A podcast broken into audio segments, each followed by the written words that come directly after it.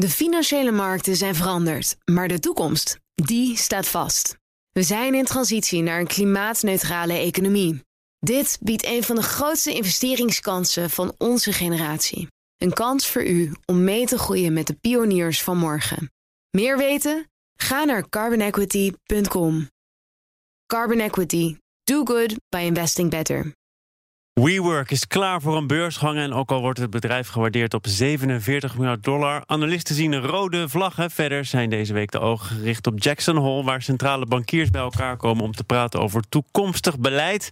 Dat en meer komt allemaal ter tafel in het beleggerspanel, bestaande uit Jan Braaksma, journalist eh, van het Financiële Dagblad, Lodewijk van der Kroft van uh, Comgest en Mary Pieterse Bloem, lid van het beleggingscomité van ABN AMRO en ook bijzonder hoogleraar financiële markten aan de Erasmus School of Economics en mijn zaak partner is Jacqueline Smit, oprichter van Rockport Inc. Welkom allen.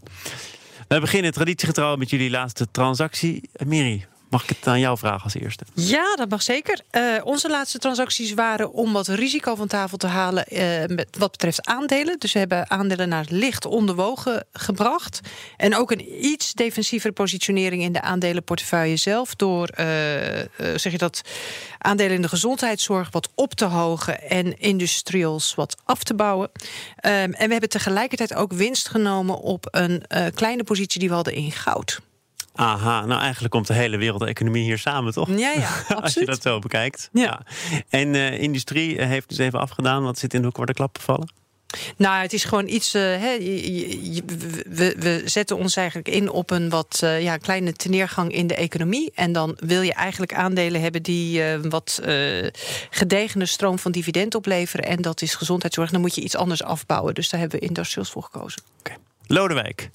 Ja, we hebben in onze portefeuilles heel weinig mutaties doorgevoerd de afgelopen periode. Maar zelf uh, heb ik een eh, beleggingsfonds gekocht, uh, ik zal het niet met name noemen, dat zich richt op Azië. Ik vertelde net voor het programma dat ik op vakantie ben geweest in Azië en heb me weer verbaasd over de enorme activiteit die ik daar zag.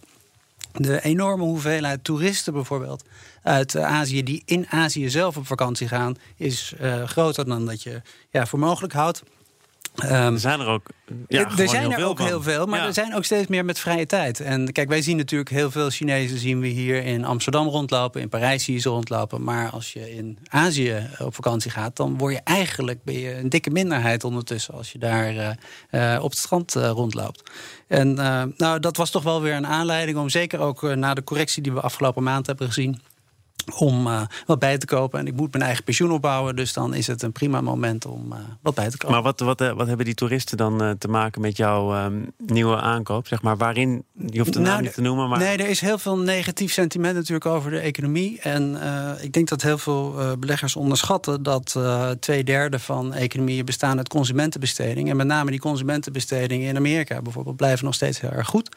En uh, die consumentenbestedingen van de mensen die ik om me heen zag, die waren ook nog steeds goed. Dus ik ben niet zo negatief uh, nee. gestemd. Dan Jan, uh, ja, dit is altijd een hele saaie vraag aan jou. Want het mag allemaal niet als je journalist bent bij het Financiële Dagblad. Maar toch, nee. het is ook waarschijnlijk de laatste keer dat jij in dit panel te horen bent. Ja, dat klopt. Ik ga een andere portefeuille doen binnen de krant. Ik ga over detailhandel schrijven en levensmiddelen, zoals het officieel heet. Dus ondanks dat dat het einde van jouw panellidmaatschap betekent, heb je ja. toch die functie geaccepteerd. Ja. you win some, you lose some. Ja, Gefeliciteerd. Dank je. Um, van jou weet ik het eigenlijk niet hoe jij zit met uh, beleggen of jij een portefeuille Nou, heel overzichtelijk.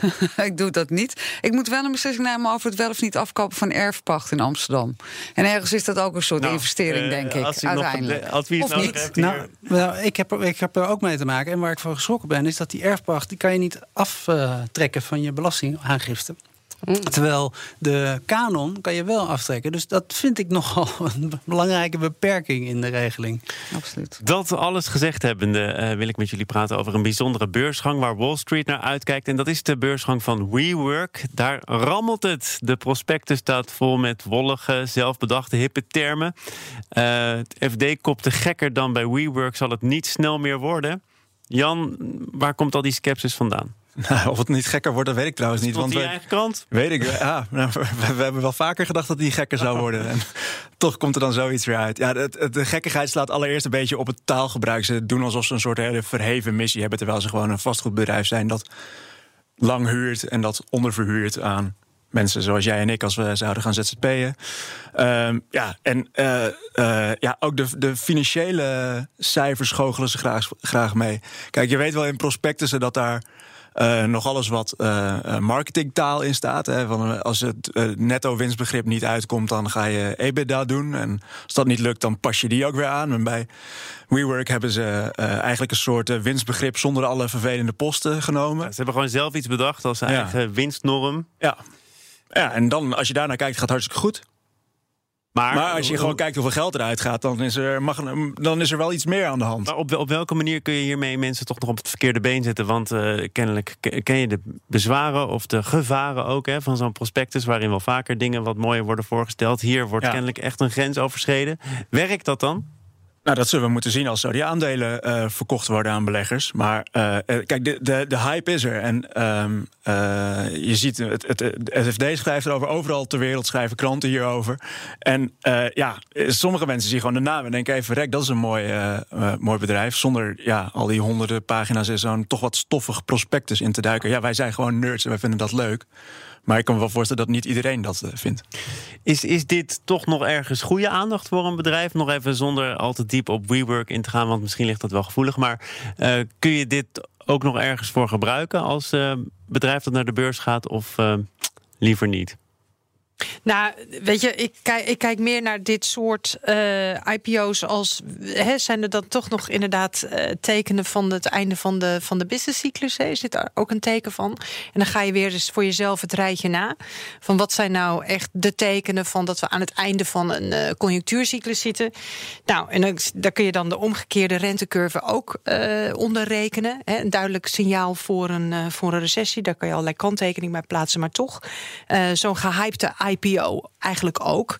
Maar als je naar alle andere dingen kijkt, uh, dan zie je dat uh, hè, bijvoorbeeld, uh, goed, we hebben redelijk hoge waarderingen, maar niet bijzonder hoog. Niet zo hoog als dat ze bijvoorbeeld geweest zijn ten tijde van de IT-bubbel uh, rond het jaar 2000. Uh, dat geldt ook voor uh, activiteiten qua ehm, ehm, overnames bijvoorbeeld. Wat, wat een typisch einde, einde cyclus is. Die zijn er toch wel, overnames? Jawel, maar niet in de mate waarin je die zou verwachten... als je echt helemaal einde cyclus zit. Um, en zo zijn er nog een aantal dingen... dat als je dingen bij elkaar optelt, dan zeggen we van... oké, okay, dit is misschien wel een teken, maar, maar niet voldoende om eh, om, om, om, om echt heel, heel ongerust te maken over bubbelvorming zeg maar, in de markt. Kun, je mij overigens nog even uitleggen, want ik kwam dat in meerdere analyses tegen, dat dit een signaal was dat die cyclus op zijn einde loopt, omdat bedrijven zoals WeWork denken, we moeten nog even snel voordat het minder gaat? Nou, niet alleen dat, maar ook zeg maar de gierigheid van investeerders om erop in te gaan. ja, om zeg maar het aandeel te willen kopen van een bedrijf wat nog geen winst maakt, uh, tegen zoveel keer uh, boek- of winstwaarde. Ja, dat is wel ook typisch een. Uh, dat, dat, dat, dat kan een teken zijn van een zekere hysterie die dan zeg maar in de markt maar dat valt wat jou betreft nu dus nog mee? Ja, dat valt nog wel mee. Lodewijk, deel jij die opvatting? Um, nou, als het gaat om, uh, om Wii. Hè, wat het... Oh ja, ze hebben de naam ook nog veranderd. ja. ja. maar we weten allemaal uh, waar het over gaat. Uh, ik, ik, had even gekeken, de, ze maken een omzet van 1,8 miljard. dus dat betekent dat je ruim 20 keer de omzet betaalt bij een marktkapitalisatie van 47 miljard dollar. Ja, dat is niet uniek. Hè. We hebben natuurlijk in de afgelopen jaren wel vaker gezien dat technologiebedrijven verlieslatende technologiebedrijven naar de beurs gingen. Met name dan naar de Nasdaq. Um, want dat is een beurs waar je als verlieslatend bedrijf naartoe kan gaan. En waar mensen bereid zijn om er toch voor te betalen. Daar hoef je dus helemaal niet meer naar te kijken. Hè. Vroeger was dat misschien toch gek. Het bedrijf heeft nog nooit winst gemaakt. Sterker nog, verliezen lopen alleen maar op. Dat hoeft niet per se te betekenen dat het eh, met dat bedrijf eh, niet goed gaat of niet meer goed komt. Nou ja, het is een bedrijfsmodel waar we in dit panel wel eens eerder over hebben gesproken. Zolang er heel veel geld is om maar dat verlies te compenseren, kan je uh, de concurrentie behoorlijk monddood maken. En dat heb je bij Netflix natuurlijk ook gezien. Ja. Um, en ja, daardoor moet je denk ik heel voorzichtig zijn met heel kritisch zijn over het bedrijfsmodel. Uh, kijk, de realiteit is natuurlijk dat er voldoende investeerders zijn geweest die pre-IPO tegen deze waarderingen zijn ingestapt. En die er nu weer heel graag uit willen, blijkbaar.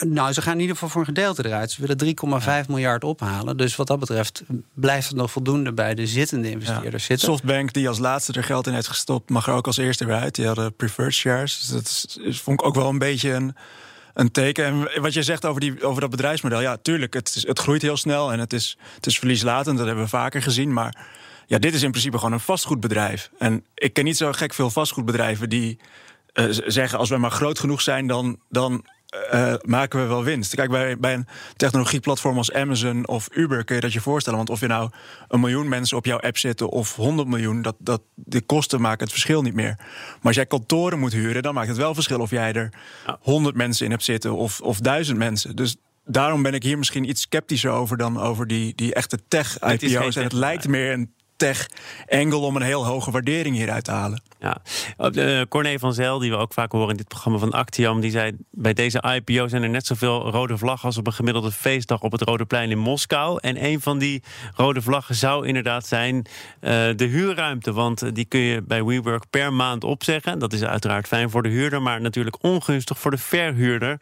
Dus als het economisch iets minder gaat, dan gaat het bedrijf het uh, meteen voelen. Ja, nou ben ik geen expert als het gaat om Wii, maar ik heb wel begrepen dat al die individuele uh, contracten die zij hebben met de eigenaren van die panden, dat dat aparte juridische entiteiten zijn. Dus je kan ik weet niet hoeveel kaarten kan je om laten vallen voordat de holding wordt geraakt. Dus uh, kijk, onroerend goed uh, beleggingen, dat is vaak een heel opaak geheel. Waarbij uh, het heel goed kan zijn dat bepaalde onderdelen niet goed lopen, zonder dat dat de rest van het bedrijf hoeft te raken. Dus nogmaals, ik ben niet enthousiast over dit bedrijf. Maar ik denk dat je moet oppassen met het helemaal afschrijven. We gaan praten over een belangrijke meeting van centrale bankiers in Jackson Hole. Daar komen ze samen ieder jaar. Miri, zou jij er graag bij zijn? Is dat interessant? Ik zou er heel graag bij willen zijn. Uh, omdat, weet je, natuurlijk, hè, ze, ze, zullen allemaal voor de microfoon uh, komen en het, zeg maar, het, uh, het officiële woord verkondigen. Maar ik denk dat wat het meest interessant is, wat er in de wandelgangen tegen elkaar wordt gezegd. En ook ja, de dingen die ze echt uitspreken. Niet zozeer alleen hoe het werkelijk verder zal gaan, maar ook hun zorgen. En er zijn zorgen, ongetwijfeld Bedoel, Jij noemde net al die uh, omgekeerde rentecurve. Ja. Uh, wat vroeger een belangrijk signaal was voor een aankomende recessie. Kun je nu nog weer kanttekeningen bij plaatsen. Maar wat denk jij dat er daar dan besproken wordt? Nou, ik denk uh, wat zeker aan bod zal komen is de, de lage inflatie. Want dat is nog steeds een doelstelling. En daar komen een zeer, groot aantal centrale banken niet aan. Dus dat zal denk ik een hele grote prioriteit zijn. Dan denk ik toch ook uh, de economie en de vooruitzichten voor de economie met de handelsconflicten en een aantal andere onzekerheden, brexit, et cetera. Um, en dan natuurlijk hè, het feit dat ze al heel ruim uh, in het monetaire beleid zitten. En met name ook in die obligatiemarkt. Wat kunnen ze nog verder doen uh, om een, ja, een buffer voor die, uh, die economie en vooral inflatie aan te zwengelen? Ik zie niet meteen een terugtrekkende beweging.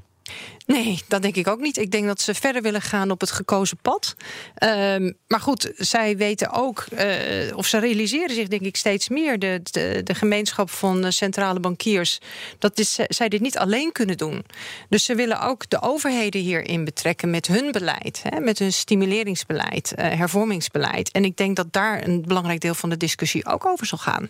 Een van de mannen die dat zegt, hè, ik kan het niet alleen uh, rijke landen zoals Duitsland. Investeer nou alsjeblieft. De minister van Financiën heeft daar volgens mij nu al plannen voor ontvouwd. Maar een van die mannen is Mario Draghi, die er niet is um, dit jaar. En Jan, ik wilde het net heel spannend brengen, maar hij was er vorig jaar ook al niet. Nee, hij vindt het gewoon niet zo belangrijk. Nee, blijkbaar niet. En, en Carney en Kuroda uh, van, van, Engeland en van Japan waren er ook niet. Dus, vorig jaar, hè? Vorig jaar, ja. Dus ja, misschien moeten ze af en toe een editie overslaan om het voor zichzelf ook een beetje leuk te houden. Of hebben ze gewoon ja, het, er wordt ook wel heel erg op gelet door journalisten. Hè. Je, wordt, je wordt dan uh, je, al, die, al die zijlijngesprekjes met journalisten. Dan moet je wel wat te melden hebben. En als je niks te melden hebt, misschien kun je dan maar beter gewoon niet gaan. Misschien en hij is natuurlijk uh, als, als president van de ECB ook al op weg naar de uitgang. Hè. In oktober ja, zit het erop. Ja, hij heeft eigenlijk zijn, zijn afscheidspraatje Sintra al gehad. Hè, op zijn eigen Lowlands voor Europese centrale bankiers. Lowlands voor Europese bankiers. Toch een beetje oh, de sfeer van dit weekend te blijven. eigenlijk of niet? Ja. ik weet niet. Ja. Nee, oké, dus hij was er niet. Is het dan niet zo'n ontzettend belangrijke meeting als misschien wel eens wordt voorgesteld? Uh, nou, volgens mij is het wel een informele bijeenkomst van uh, beleidsmakers met academici, een selecte groep uh, van mensen die daarvoor wordt uitgenodigd. En is het denk ik meer de informele discussie waar het om gaat. Dan wordt er niet zeg maar een centraal beleid gevoerd. Nee. Want daarvoor liggen die centrale banken ook nog veel te ver uit elkaar. Hè? De Amerikaanse centrale bank heeft veel meer ruimte bijvoorbeeld om uh, de rente te verlagen dan in Europa. Maar de trend is volgens mij, uh, waar je ook kijkt, wel een klein beetje dat de rente omlaag gaat. Dat het monetaire beleid wat ruimer wordt, of in ieder geval niet wordt verkrapt. Ja, dat klopt. Alleen het probleem is een beetje, en uh, Mary gaf het ook al aan, het is eigenlijk elke keer dezelfde oplossing voor het bestaande probleem. En het transmissie-effect, wat zo, zoals dat zo mooi heet, de, de, vertaalslag van die lagere rente naar de economie, die werkt eigenlijk in Europa al langere tijd niet. En je kan je afvragen of het verdere verlagen door de ECB nou die daadwerkelijke uh, aantrekkende beweging uh, gaat zijn. Ik maar eigenlijk hadden ze die politici moeten uitnodigen, toch? Want uh, Powell heeft last van Trump die een handelsoorlog voert.